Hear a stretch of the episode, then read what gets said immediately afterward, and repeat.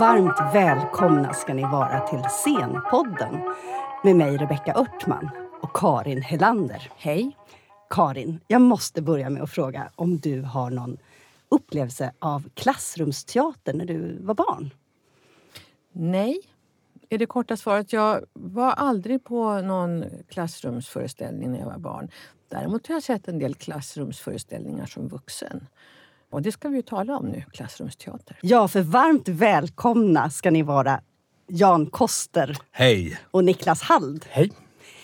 Vi ska prata klassrumsteater och min första fråga är faktiskt Jan, hur många föreställningar som du har gjort i klassrum?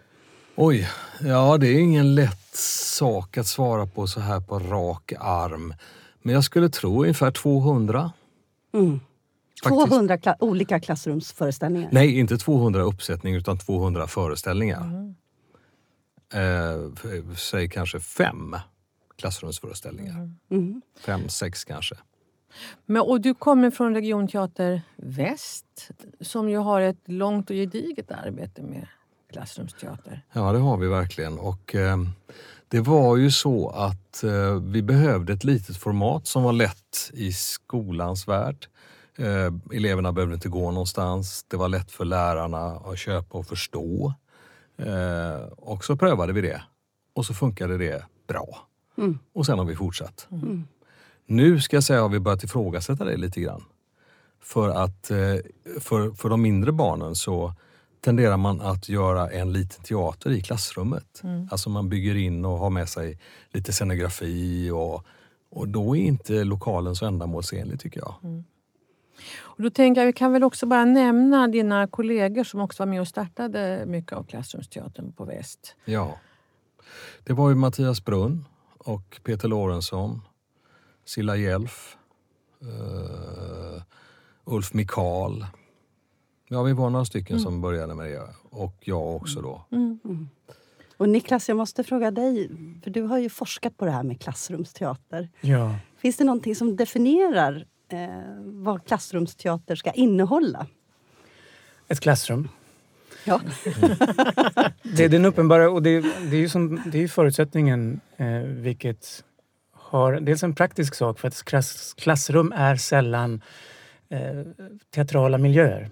De är inte byggda för att innehålla teater som, som ändamål, vilket innebär att som skådespelare så har jag då att förhålla mig till lysrör i taket, stora fönster, en enkel dörr ut mot korridoren med allt vad det innebär. Så att rent praktiskt så behöver jag då all den magi som ska skapas, det är vi skådespelare som gör den. Eh, det som Jan beskriver om scenografi, det, det är ju väldigt sällan ändå som vi tar med mycket scenografi eller har mörkläggning och sådär. Så att det innebär att jag dels måste skapa magin själv, jag kommer också komma väldigt nära min publik rent fysiskt. Det är ett vanligt normalt stort klassrum så spelar vi en, två klasser. Jag får in mellan 20 och 60 elever. Och det innebär att vi är rent fysiskt otroligt nära. Jag ser alla och alla ser mig.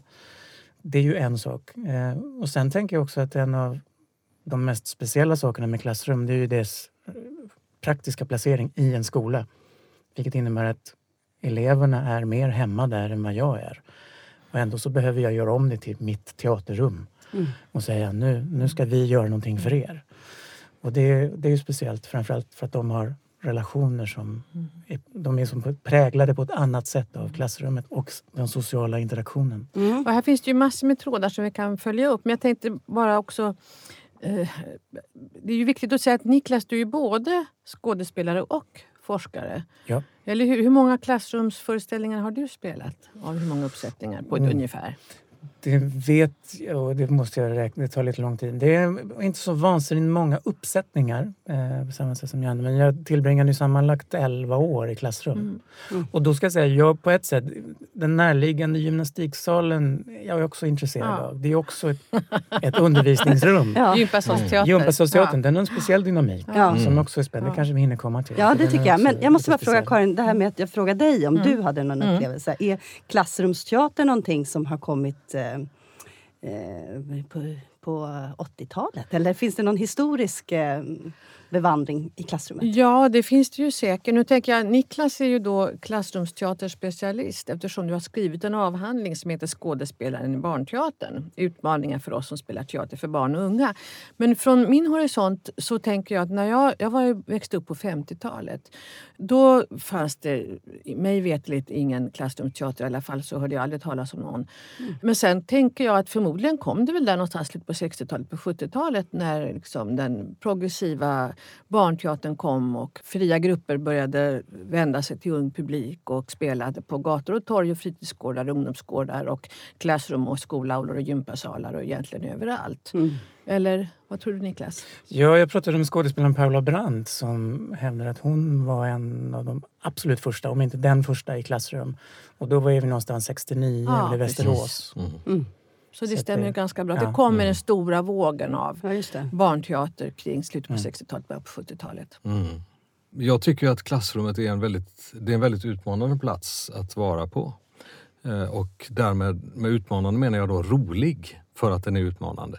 När vi producerar en klassrumsföreställning så måste vi alltid väva in de perspektiv som finns att dörren just kan mm. öppnas. Mm. Och då går det, det är väldigt svårt att stå och vara kreon där inne på, på något berg när det kommer in någon och tömmer papperskorgen att låtsas om att inte, att det inte kommer in. Det, det måste implementeras i, i, i rummet, ja. alla de där händelserna. Och så har vi, val, vi har valt att arbeta så. Har du varit med om det? Ja, ja många, många, många gånger. Att folk kommer in och tömmer papperskorgen? Absolut. Är det här, känner du igen det här Niklas? Ja, ja, ja men det, jag ska säga, det, är, det är inte regel, men, men det händer oftare än vad man ibland önskar. Och ibland är det, funkar det alldeles utmärkt. Det beror lite grann på föreställningen. Men vad gör man då? Stannar man upp föreställningen? Eller? Ja, alltså, jag, jag tänker att en klassrumsföreställning som jag ska vara med i, den måste innehålla den öppenheten. Mm. För att annars så kan inte jag genomföra det. Men det måste ju eh. betyda att det inte är ett rollarbete. Alltså den psykologiska realismen kan vara svår kanske på det sättet. Ja. Att in, gå in i en roll. För jag, kan vi inte ta ett aktuellt exempel? Rebecka och jag vi var och såg Peter och Janne gör slut. Ja. På Regionteatern Väst. Vi såg den inte i ett klassrum med elever, vi såg den i en klassrumsliknande sal. Mm. Eh, med då eh, en tät publik. Och vad som, det var ju helt fantastiskt. Eh, du ska få berätta lite om den. Men vad som var så speciellt tyckte jag med den, det var också att ni, inte minst du, men ni gjorde eh, hela ensemblen, ett enormt modigt och stort utspel inom den lilla ramen. Men där spelade ni ju begravningsentreprenörer. Ja. Kan du inte berätta lite om den föreställningen? Jo, gärna. Eh, det kom, den kom till så som... Jag är ju 62 år och Peter tyckte att... Peter Lorentzon. Peter Lorentzon tyckte att eh, nu ska Janne snart sluta. Och vad tråkigt det blir. Så då får vi göra en föreställning ihop som handlar om att vi tar avsked. Och Mattias Brunn eh, vill gärna komma och arbeta med oss. Vi har arbetat mycket med honom genom åren. Han är en briljant person på många sätt. Och eh, då så hade Peter såg en, eh, en begravningsentreprenör när han var tömde soporna som var så luktade gott i sin välvaxade bil och la två burkar med kattmat i metallåtervinningen helt enkelt. Så sa han, ska inte det handla om begravningsentreprenörer då? Avsked och eh, sorg. Ja, och så skrev, så skrev vi en tråd på, ett, på någonting som heter Slack, alltså en, en sån här app där man skriver som Whatsapp eller sådär. Mm. Jag vet inte om ni känner till det. Mm.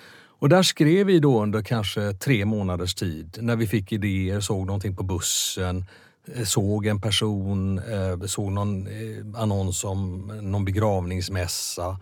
Mattias var på någon performance i, i Norrland någonstans tror jag. Och då skrev vi ner alla de där idéerna och eh, samlade allt det där. Och där var föreställningen.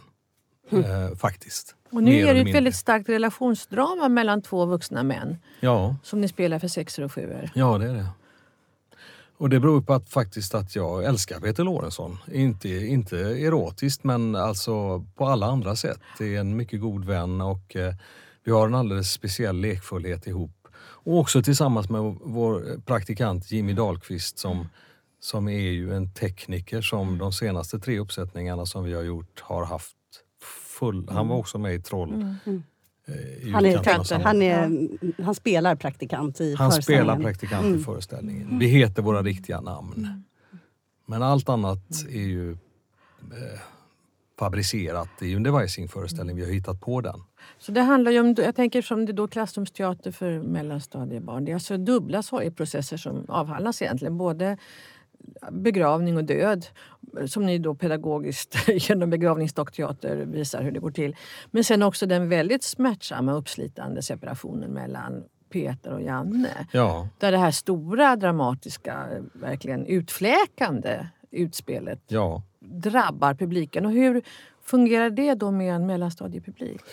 I Ja. klassrum? Eh, det fungerar ju väldigt bra skulle jag vilja säga. Om man nu ser rent dramatiskt sett så funkar det ju jättebra. För att de, när två vuxna män i svart kostym börjar att bråka med varandra så blir det en väldigt eh, laddad atmosfär i klassrummet. Eh, det ska mycket till att våga bryta det där faktiskt. Vad, eh, just de här känslomässiga utspelen och närheten, man sitter ju så nära publiken. Har du erfarenheter av det Niklas? Och också i din forskning? När du, för du intervjuade många som hade arbetat med klassrumsteater, eller hur? Ja. Nu tänker jag på det här det som, det som Janne säger att bygga en föreställning för klassrummet specifikt. Eh, och att det blir bökigt när kreon ska ha en stor dramatik. Vi spelade Otello i klassrum. Shakespeares Hotel? Shakespeares Otello. I, en, I och för sig en specialbearbetning för mellanstadiet men ändå, den krävde på ett sätt någonting annat. Den krävde en, en koncentration. Den krävde en enorm inlevelse och utlevelse. Och samtidigt så är det då liksom som förhöjt språk. Det är blankvers och allting annat. Vilket gjorde att ibland när eleverna med deras enorma sensibilitet för vad som är pinsamt och känsligt börjar reagera på något annat sätt, då påverkade det spelet. Och där hamnade jag ibland i små, små inre kriser just därför att jag vet att det här, den här föreställningen kräver en enorm laddning och koncentration. Och de gånger som vi inte riktigt fick det, då gjorde vi lite våld på oss själva och därmed på publiken. På ett plan så vill jag tänka att det var en väldigt bra föreställning men i efterhand kan jag tänka, var det rätt föreställning att spela i, i klassrum? Mm. Samtidigt så vet jag ju det att nästan alla fall så i slutet när vi så att säga Otello är en underbar pjäs att spela för mellanstadiet. Alla dör på slutet och det är fullkomlig tragedi. Vi står där med lyfta knivar och bränna och döda varandra. Och i det ögonblicket när jag tittar ut mot publiken så, så ser jag ju att de är fångade. Så att jag tänker att de stora känslorna är eftertraktade. Det, är ingen, det är inget hinder. Men som sagt, vi behöver ju också hitta hur vi bygger för dem. Jag måste bara återkomma till och fråga det här med att Regionteatern Väst startade klassrumsteater. Mm. Vad vad kommer det sig att ni gjorde det? Ja, det kommer sig av att vi behövde en liten föreställning som var lätt att eh, komma ut med. Eh, inte så stort bygge. E- e- egentligen ingen scenografi utan kostym. Och, Bara att ni eh, skulle öka repertoaren? Eller Ja, det var det. Att vi skulle öka tillgängligheten. Mm. Vi har ju ett alldeles unikt system på Regionteater Väst. Vi är ju, eh, vårt uppdrag är att spela ba- barn och ungdomsteater från, försk- i skolans värld i Västra Götaland. Det är 49 kommuner. Vi har avtal med 5, 6, 7 kommuner där de får scenkonst från vår teater för 30 kronor per elev. Och då får de från förskolan till nionde klass.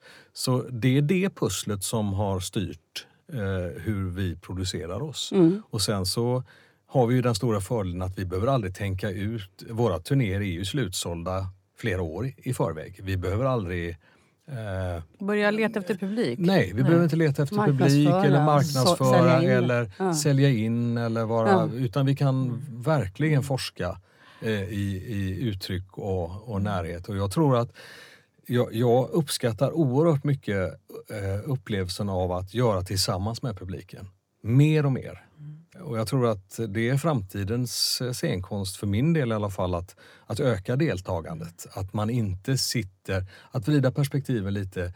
Nu ska ni sitta och titta på det vi gör. Ni kanske kan vara med lite grann. Det behöver inte vara det här. Det, det är bara att vrida linsen en aning för att få nya spännande perspektiv. På vilket, men, men på den här Peter och Janne-föreställningen, då var publiken publik. Då var publiken publik. Har du andra exempel? Men jag tänker, man måste Ja. bara få flika in att man var ju enormt delaktig som publik. Ja. Alltså man var ju helt... Man hade hjärtklappning. Man hade hjärtklappning och grät och skrattade samtidigt. Så att Ja. man alltså, kan ju vara delaktig på väldigt många olika sätt. Mm. Ja. Eh, Man kan också liksom vara delaktig i hjärta och hjärna. Mm. Jag, jag, alltså, traditionellt sett så tänker jag att för, för min del, eller för vår del, för, jag ska tala för mig själv, så måste det skapas ett osäkert rum.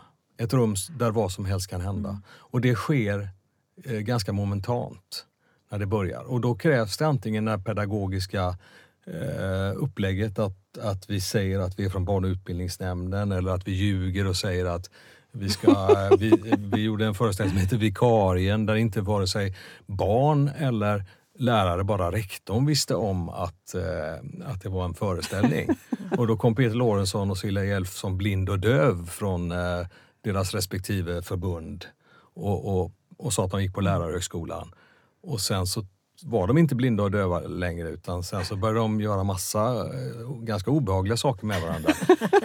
och eh, man skulle se var gränserna, var gränserna, när sa de stopp?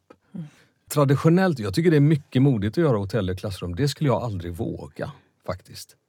Nej, men det är spännande för jag tänker att vi jobbade på, det här var på Friteatern eh, i Sundbyberg och där jobbade vi egentligen helt motsatt.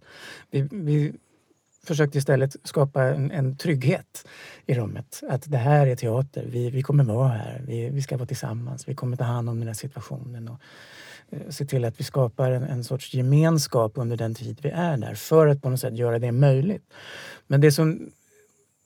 Och samtidigt hade jag ju då när när jag väl började med avhandlingsarbetet efter att jag hade avslutat eh, hotell och allt det där, då träffade jag ju er på Regionteater Väst Ja, eh, i, för att intervjua er. Och för att jag var just nyfiken på hur ni åstadkommer den här laddningen. Och det gav ändå mig insikter om att på olika sätt kändes det som att vi är ute efter samma sak även om vi har olika angreppspunkter, nämligen att publiken, det vill säga den- skolelever som de ju faktiskt är, ska känna att de är sedda av oss. Mm. Och att det är som är grunden. Mm. Och för att om inte vi uppmärksammar det faktum att vi är i samma rum och eh, hittar gemensamma spelregler, då kommer skolans normala strukturer att ta över. Det vill säga, då kommer de börja agera som de skolelever som de faktiskt är. Mm. Mm. Men kan alla spela klassrumsteater? Alla skådespelare? Eller krävs det en viss sort? Ja och nej. Eh, alla kan spela klassrum. Det är egentligen inget konstigt, men det är just det. Vi är otroligt nära publiken. Det måste man komma ihåg. Jag måste också vara beredd just då på att allt det här som kommer att hända kommer att hända. Så att om jag, om, om jag inte tyck, om jag helst vill ha scen salong och folk kan sitta i mörker där, jag vill inte se publiken, då är klassrummet fel arena. Jag tror ju att det krävs vissa liksom, kompetenser hos skådespelare som spelar klassrumsteater. Som handlar, och i vissa former barn och ungdomsteater överhuvudtaget, även för mindre barn till exempel. I vissa lokaler. Ja, som handlar precis om det där att man är intresserad, på allvar intresserad av sin publik. Och att man på allvar verkligen vill nå var och en som är i det lilla rummet. Och att man också har förmågan att liksom ha strategier och använda sig av dem när det uppstår saker i rummet. Och jag tänkte, det här med osäkra rum eller trygga rum. Det kan ju hända saker både med alltså elevpubliken men också som vi hörde då med lärare eller andra vuxna som kommer in och börjar dra upp gardiner eller eh, häller saker i en papperskorg eller gör någonting annat. Så. Vilka strategier har ni då för att bemästra den här typen av störningsmoment? Då, eller jag det för? Där kan, menar jag, föreställningen inte vara byggd på en regi som gör... Just Peter och Janne är faktiskt väldigt hårt regisserad. Den är väldigt bestämd. Eh, Och det var lite skrämmande tyckte jag. Men, men, men det måste finnas, tycker jag, en öppenhet för att jag kan kommunicera. Eh, Jag frågar i föreställningen, nu kanske ni undrar om jag är rädd för, för att dö, säger jag till publiken när jag står på knä mitt i rummet. Och då säger en eh, sjundeklassare, jag kan döda dig, eh, till mig. Och det är ju en enorm aggression naturligtvis eh, och ett, eh, kräver ju ett svar. Och, och då frågar jag, hur då? Hur ska du göra då? Och så blir det en väldigt laddad tystnad länge i rummet. Nej, du är ju snäll egentligen, säger den här eh, barnet då. Och då har man ju så fort man bekräftar det som sker i rummet så, så kan man inte tappa bort sig. Utan, men det måste finnas en öppenhet för det. Har man då en, en regi eller en text som bygger på poänger eller på, på skeenden. Så man måste våga vara i den uppbrutna dramaturgin och vara i det där rummet. Och då gör du det som skådespelaren Jan och som begravningsentreprenören Janne. Ja, jag. Alltså jag ser ingen större skillnad faktiskt. Nej. Vi gjorde en föreställning som hette Från noll för några år sedan på Regionen Teater Väst. Jag tror att du var där nere då Niklas när vi gjorde den och vi mm. pratade mm. lite om det. Mm. Och i ett skede, jag, jag var en slags lärare, jag hade jättemycket roliga repliker. Jag var någon slags Bob Dylan-typ med med hästsvans och manchesterkostym och visade magen, ganska obehaglig, som tyckte alla, som tyckte alla var sköna. Sådär. Och så hade vi Peter Lorentzon som var en fullständigt oregelig eh, låtsasinvandrare i rummet. Som, han var högt och lågt. Och då sa jag till Peter, Peter, jag, jag, måste ju få säga, jag hade ju så roliga och bra repliker. Jag måste ju få säga det här. Du kan ju inte hålla på och lyfta mig och, och bära ut mig i gradängen när jag ska säga de här sakerna. Ja, men då kan ju inte jag spela min karaktär, så. Nej, det kan du ju inte. och så, då, är det verkligen så viktigt? Är det verkligen så viktigt med den här rättvisan och demokratin? Är inte livet precis sånt? Jo. Ja. Och då, då, då tänkte jag, nej men det räcker ju. Alltså det där magiska rollarbetet, jag vet inte, det är ju jag. Ja. Fast det är ju en expanderad del av mig. Ja som är i rummet. Ja. Men då bygger det också på att ni har ett långt eh, samarbete. Ni Såklart. två och ett förtroende till dig. Och jag tänker, är... där ligger ju tryggheten då. Om man ska tänka på det här med osäkra rum och trygghet så finns ju tryggheten i det osäkra rummet att ni har en sån erfarenhet av att spela klassrumsteater, tänker jag. Och att ta den publiken. Såklart, och att det är en rolig utmaning. Mm. Att rummet är osäkert, att det kan komma in någon. Att, mm att inte förutsättningarna är likadana och att det vävs in i, i föreställningen helt enkelt. Och då, då blir barnen blir fullständigt trygga. Mm. Och vi också. Ja. En sån där spännande dramaturgisk grej som ni gjorde det var att ni gick ut ur klassrummet. Ja, och så hör man hur ja. ni grälar utanför dörren. Och vi som publik, det blir ju att vi sitter och tittar på varandra plötsligt. Ja. Från att ha, ha, tittat på er så tittar vi på varandra. Plötsligt blir vi vittne, eller ja, vi blir vittne ja. till det här grälet som pågår. Ja. Och sen kommer ni in som om inget har hänt och har den där ja. rollen. Det är otroligt, otroligt spännande, den dramaturgin, när man plötsligt får syn på varandra i salongen. Ja, verkligen. Eller i klassrummet. Mm. Vilka strategier, Niklas, eh, har du haft eller har du sett när du har uh, samtalat inför din avhandling? Just där det uppkommer situationer av elever eller lärare i klassrummet. Dels är det ju... Alltså jag tänker vi, vad vi behöver göra när vi, innan vi ger oss ut i skolan är att fundera över vilken sorts föreställning vi kommer med. Och sen vilka ramar de ger. Ibland det är också där, ibland är det väldigt tacksamt. I en föreställning gjorde jag en, en, eh, en rektorskaraktär med flintskalleperuk som var väldigt överdriven. Men det var ju otroligt tacksamt för han kunde ju ta vilka, mm. vilka situationer som helst. Så det var lättare just i den mm. karaktären. Men samtidigt hade jag andra roller i den uppsättningen där den personens funktion i föreställningen inte var lika tacksam att laborera med i möte med publiken. Mm. Och då är det förhoppningsvis någon annan som kan ta över. Men jag tror att den stora saken handlar ju om att vi behöver se till, verkligen se till det som är. Och i det perspektivet, ja det kanske var modigt med Shakespeare. Och samtidigt är ju Shakespeare av tradition, eller åtminstone Shakespeares tid, mm. var ju en väldigt öppen publikkommunikation mm. som vi då kan leka med. Mm. Men jag tror misstaget på ett sätt var just att den krävde en sorts koncentration som vi inte alltid kunde begära. Mm. Så det är en sak. Jag vet att Ung Scen Öst jobbade mycket med eh, interaktiv teater mm. en period. Och de utvecklade också någonting som de kallar för brytstrategier. Och det handlade ju mer om att när de befann sig i deras stora uppsättningar, nu lämnar vi klassrummet mm. en stund, där en skådespelare kanske tar med sig en publikgrupp i ett speciellt sammanhang och gör en speciell sak medan en annan skådespelare berättar en historia för en annan publikgrupp. Och så håller man på ett tag. Då utvecklade så att man bröt upp publiken? Man, bryter, ja, man bryter upp liksom både dramats traditionella form och rummet. Sådär, okay. så vilket innebär att det kan hända många saker och publikens medverkan är väldigt aktiv.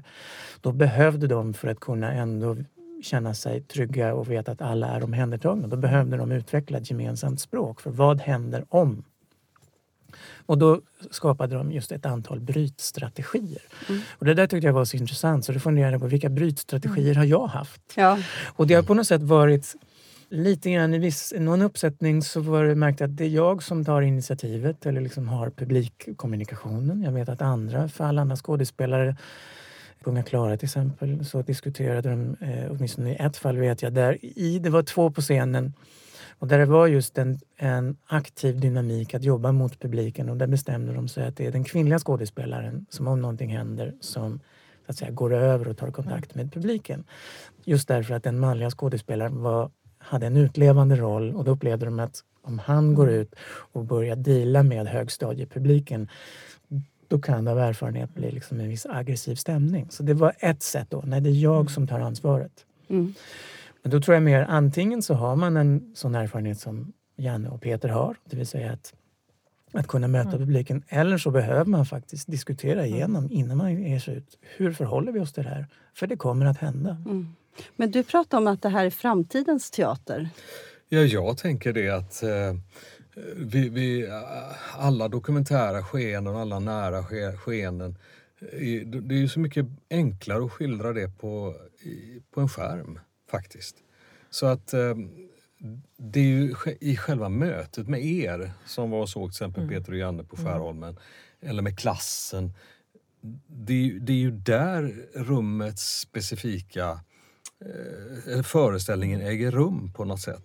Och så har det väl alltid varit. Mm. Men, men, men det har också varit att, att det inte får störas, att det finns en, en hierarkisk ordning, regi, text, regi, mm. scenografi, kostym, skådespeleri och det, allt har sin givna plats i det här.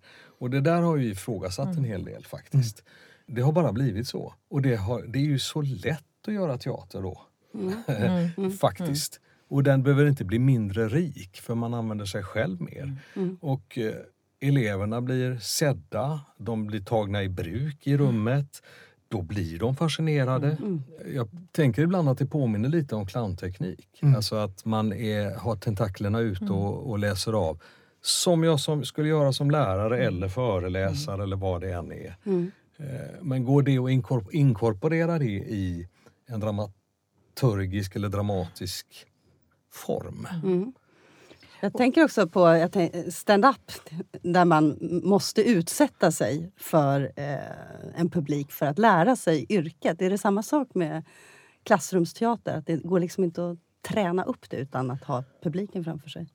Jag tror att man måste träna sig på det. Eh, och, och, och, och det är framförallt att våga vara modig och våga vara i rummet och ta de saker som kommer. Inte uppleva att det är attacker eller att rummet är emot en eller att man misslyckas. Utan att eh, man kan hantera det där i föreställningens Och ibland ram. kan det väl också att man, är, att man blir liksom en slags eh, projektionsyta eller måltavla eller så för elevernas inbördes relationer, tänker jag. Mm. Att det pågår mycket i en, i en klass eh, med hierarkier och olika liksom, mm. maktrelationer och så. Ja, så hamnar man i den skottlinjen. Har du varit med om det Niklas? Ja, och det är ju det är ju en av de, en, förutom rummets specifika egenskaper så är ju en av de mest speciella sakerna med klassrumsteater att alla i publiken känner varandra. Mm. Mm. Att egentligen bara vi som skådespelare som, som är, är obekanta för dem och de för oss. Mm. Så att de, de som då är kära i varandra eller precis har mm. bråkat, de kommer att sitta där och vara sura eller förälskade i varandra under pågående föreställning. Så att ibland händer det saker i publiken som kanske är triggade av vår teatrala närvaro men som kanske egentligen inte har med oss att göra. Och ibland kan det då yttra sig i att eh, någon elev känner ett behov av att demonstrera inför sina klasskamrater. Vad, det här vågar jag göra när teatergruppen är här eller jag kommenterar på det här sättet. Har du varit med om det någon gång? Ja, jo, men det, och, det, och då är som, det första som jag då behöver på något sätt ta till mig som skådespelare det är att det kommer att låta mycket mer. Det kommer att röra sig mycket mer i publiken. Det kommer att vara fler kommentarer. Så att må, det måste jag liksom kunna härbärgera och mm. spela vidare i. Och det intressanta blir ju då om, om några plötsligt öppnar för ett samtal och sitter och pratar mm. med varandra. Då är min första tanke så här, pratar de om föreställningen? Mm. Pratar de om mm. det som sker? Mm. Ja, men det är ju jättebra, låt dem hålla på.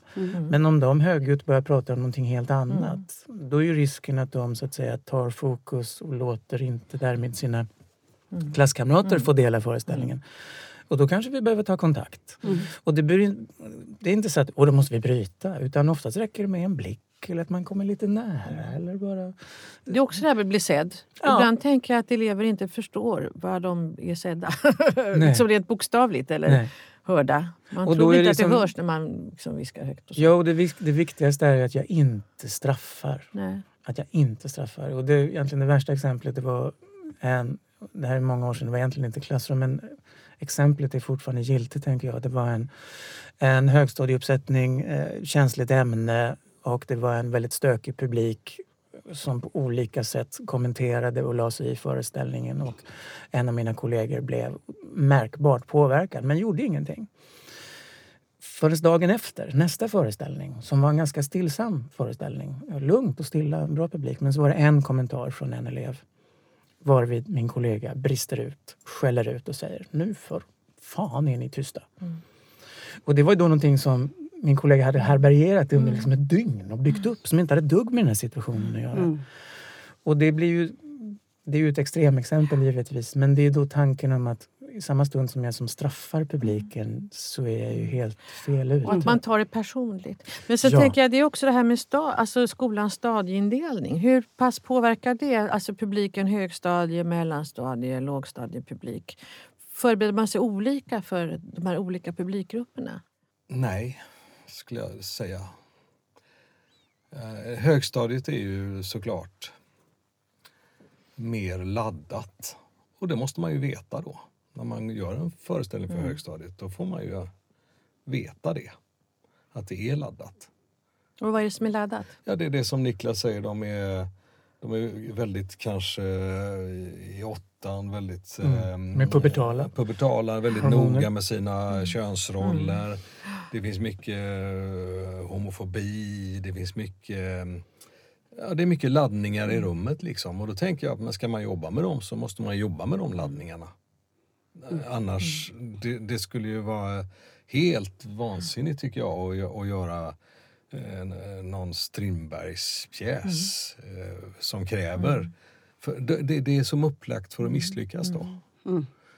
Mm tänker jag. jag. Jag undrar också det här med, tänk om det är framtidens teater då, att vara mera interaktiv med sin publik och nära sin publik för att man ska också känna att det är människor och inte en skärm.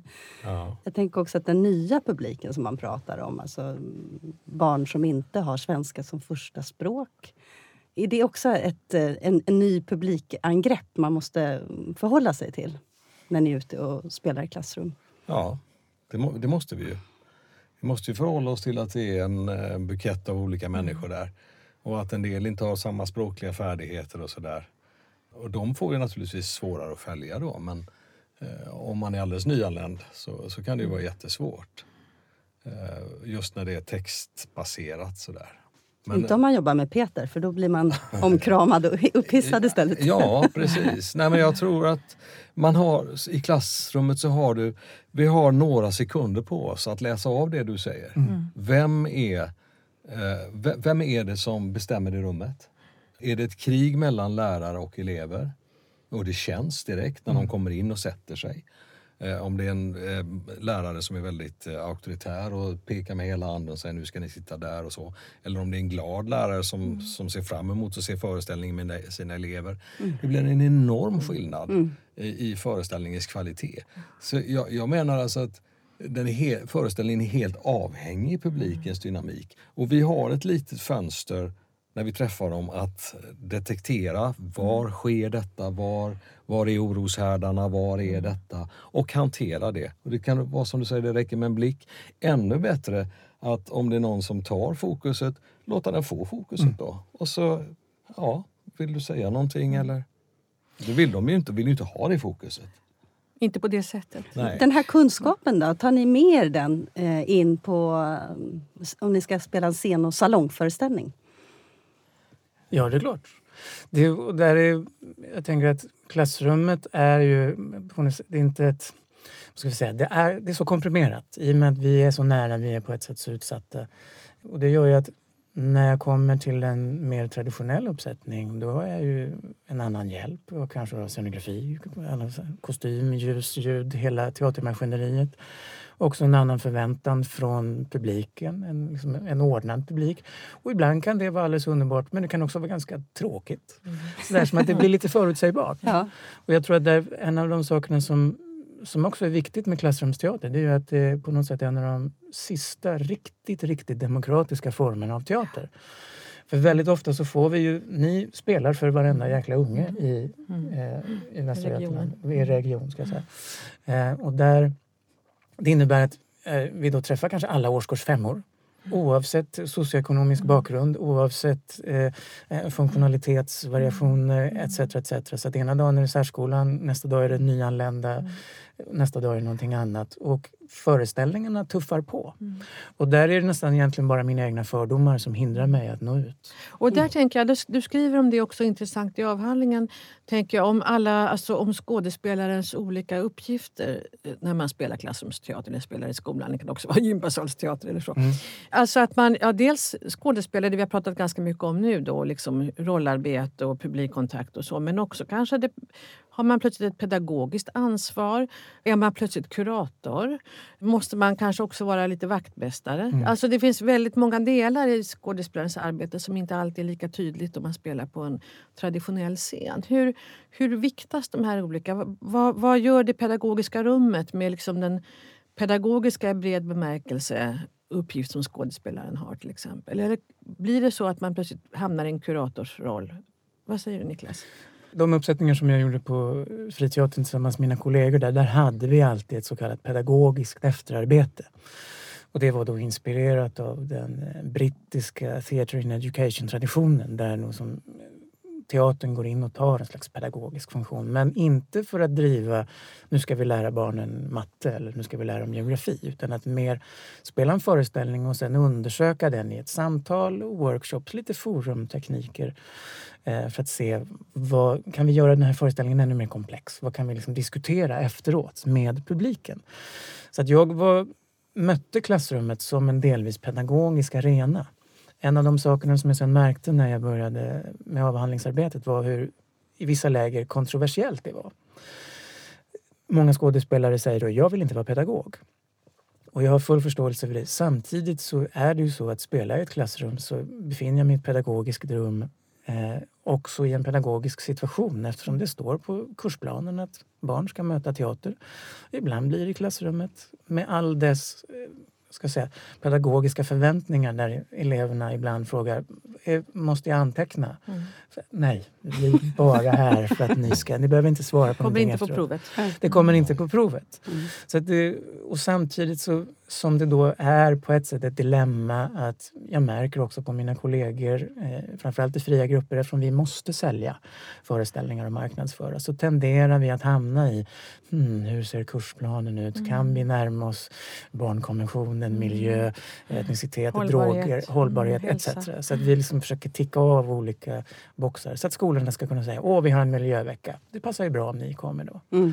Så att jag tänker att det finns massa pedagogiska förväntningar mm. och de måste jag hantera. Mm. Upplever du likadant Jan? Nej, har... det gör jag faktiskt inte. Men jag är ju i en annan värld då. Jag är ju i den här eh, Västra Götalandsvärlden där vi har eh, utsålda turnéer. Så vi, vi, jag tycker vi försöker ägna oss åt konst faktiskt. Mm. Eh, och, och vi har väl också jag, jag, kan känna att det har blivit mycket roligare att vara skådespelare eller scenkonstnär när man tar ett större ansvar. Det vill säga, den här föreställningen som ni såg, Peter och Janne gör slut, den äger ju vi. Det är vi som har hittat på det tillsammans med Mattias Brunn. Mm. Eh, han har skrivit eh, en del delar men annars är det mm.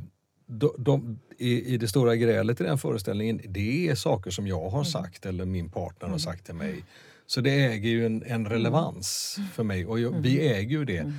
Och i och med att vi äger det och inte har någon att ta hänsyn till som är en författare mm. eller sådär så, så kan vi hela tiden moderera, mm. temperera, arbeta med materialet. Eh, för att nå en, en, en, en ja, en full, fullödning. tänker jag att du har ju ändå också gjort andra klassrumsuppsättningar som ändå har en, om vi tänker pedagogik i vid bemärkelse, eh, kunskapsförmedlande kanske, eh, uppgift som den avvikande meningen till exempel. Ja, som ju har ett annat, Vad är det för en annan design. Ja, du får berätta själv. Ja, för 2015 eh, var det tror jag.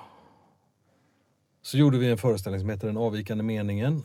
Jens Peter Karlsson från Malmö Eh, vi skulle göra en klassföreställning som byggde på enkäter där vi hade, att vi hade hört talas om att det fanns viss procent av befolkningen som var fascister.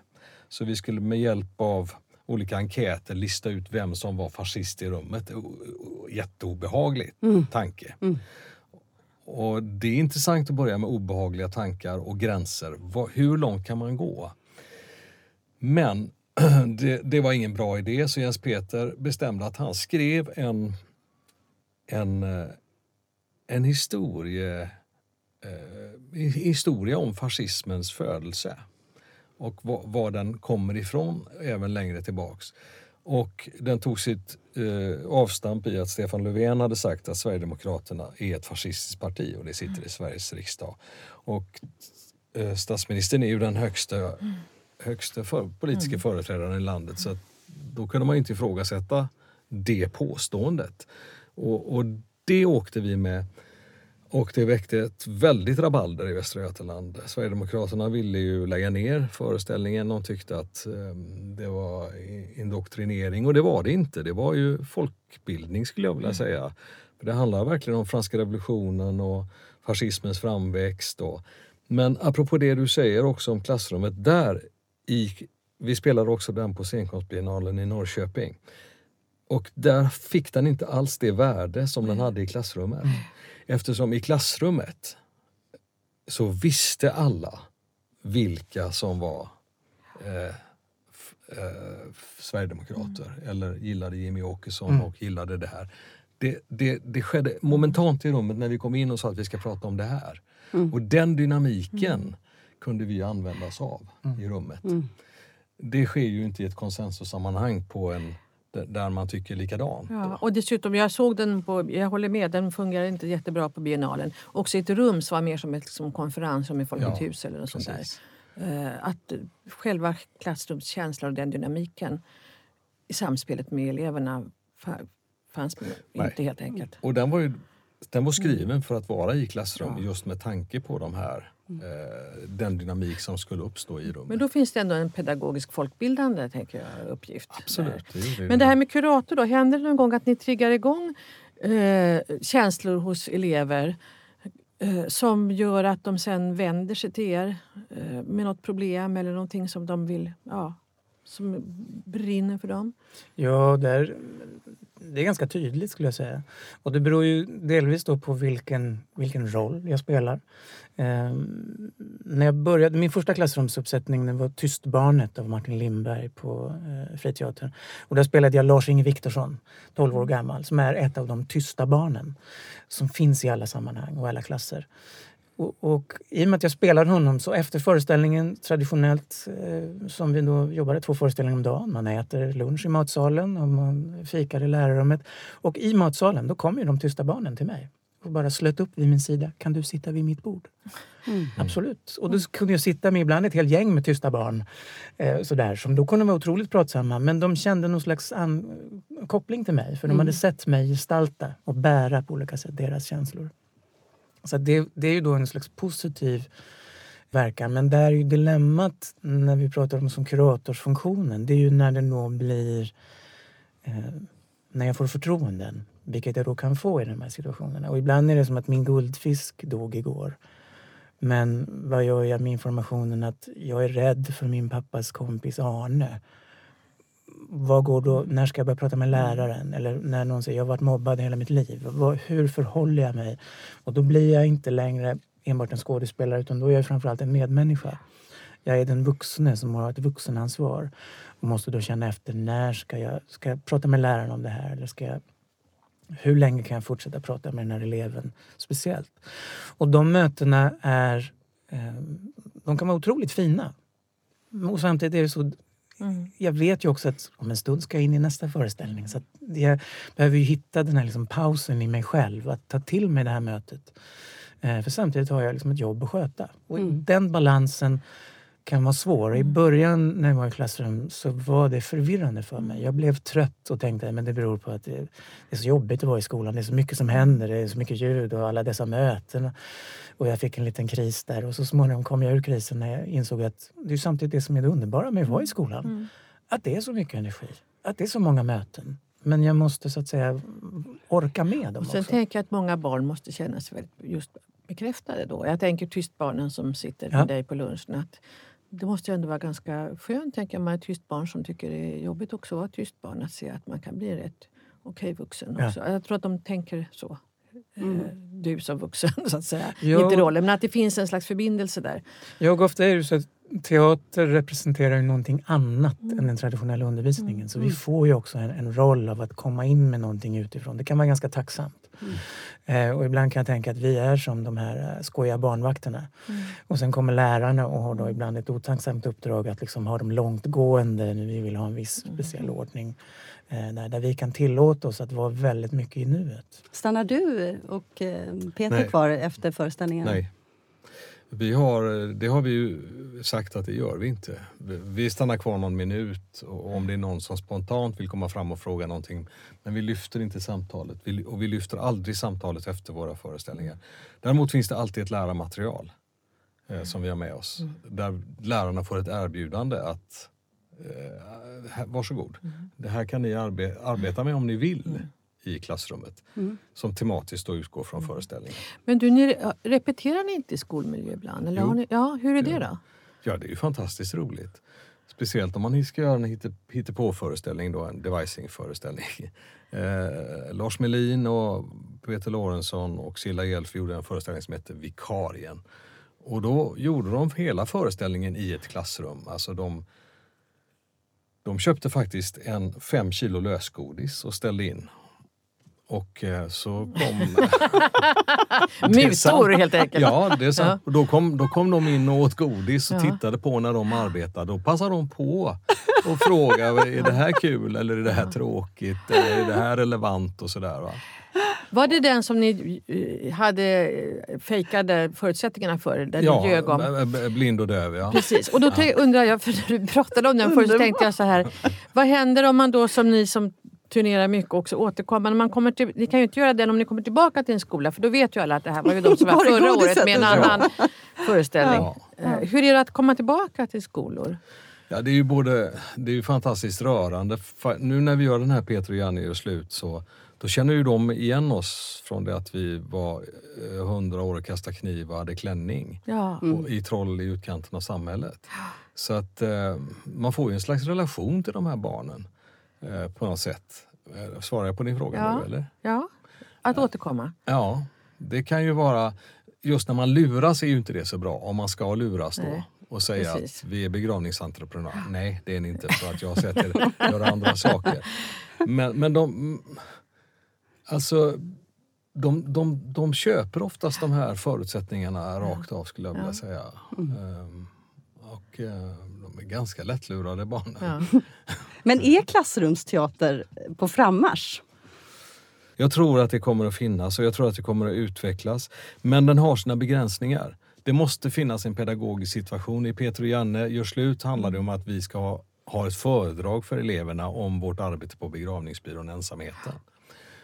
Eh, och en begravningsteater och en powerpoint som inte blir av. Nu börjar vi dissa eftersom vi har sett den. Så roligt. Ja. Och, eh, de förutsättningarna, det är ju tillräckligt intressant. Ja. Och det är ju ett sorts lur, så det tror de ju. Mm. och eh, jag tror man måste skapa det i rummet. Eh, sanningen. Mm. Sanningen i rummet. Mm. Och, Teatersanningen. Teatersanningen i mm. rummet, ja. Och, och då, kan, då, är det, då kan man hantera situationen sen.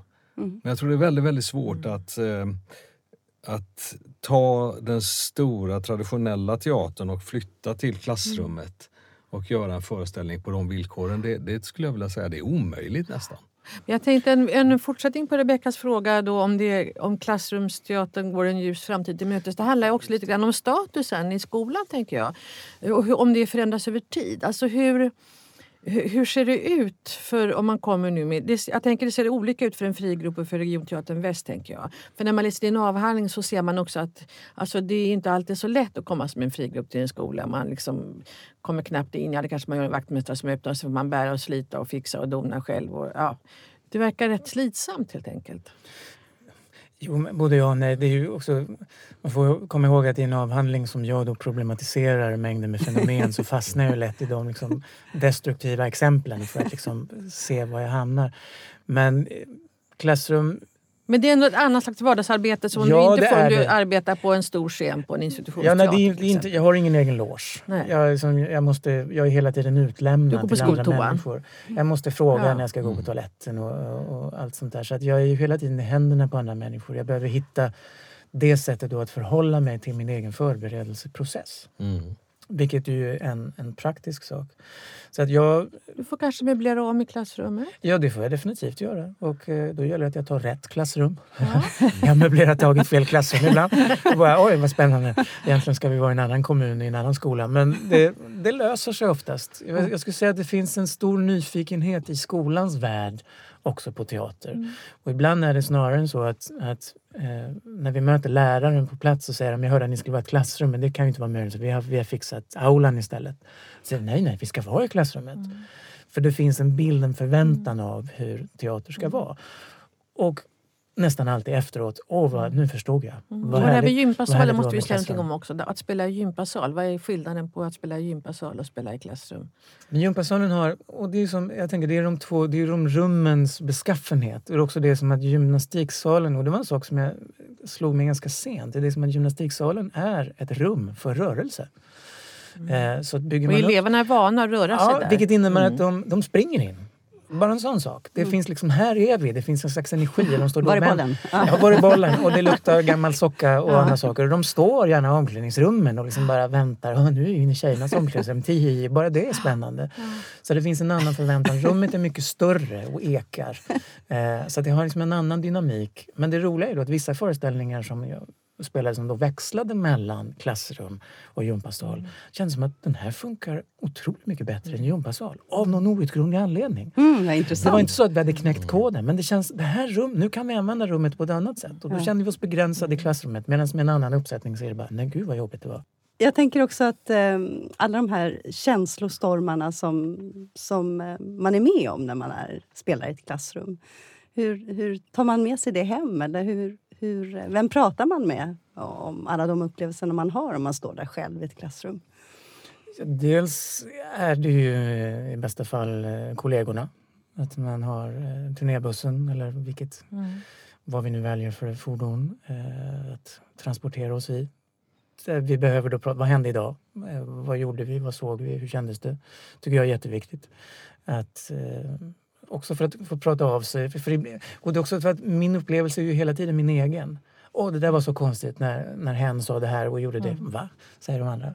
Och då kanske det är någonting som bara jag har fixerat mig på. Mm. Eh, och ibland kan det då vara för att någon som jag retar mig på av olika anledningar eller någon som jag plötsligt blir berörd av. Det jobbigaste tycker jag nästan är när det myllrar in ett helt gäng med elever och så sätter de sig tätt, tätt, tätt, tätt, tätt och så är det alltid någon som sitter och så är det mycket luft kring sidorna.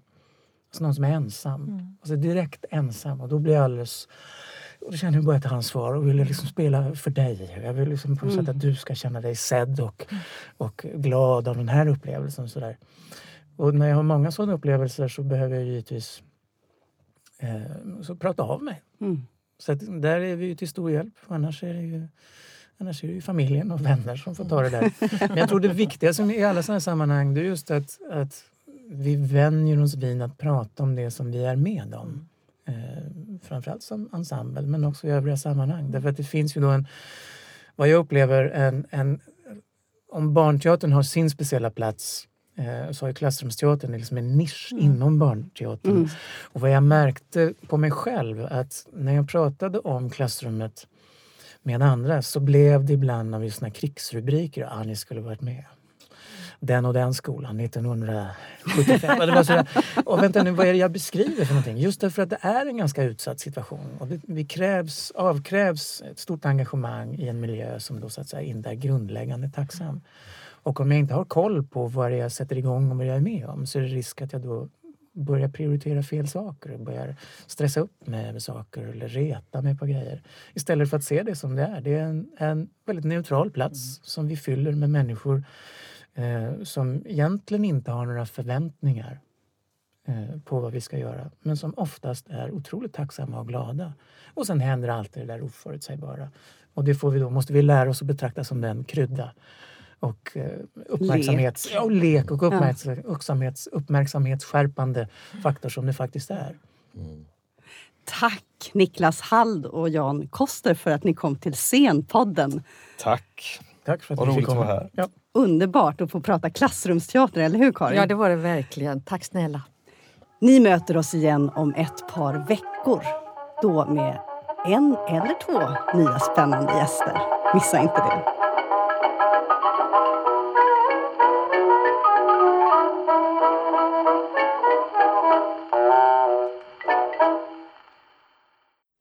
Du har lyssnat på Scenpodden, en podcast från Rats Teater och Humanistiska fakulteten vid Stockholms universitet.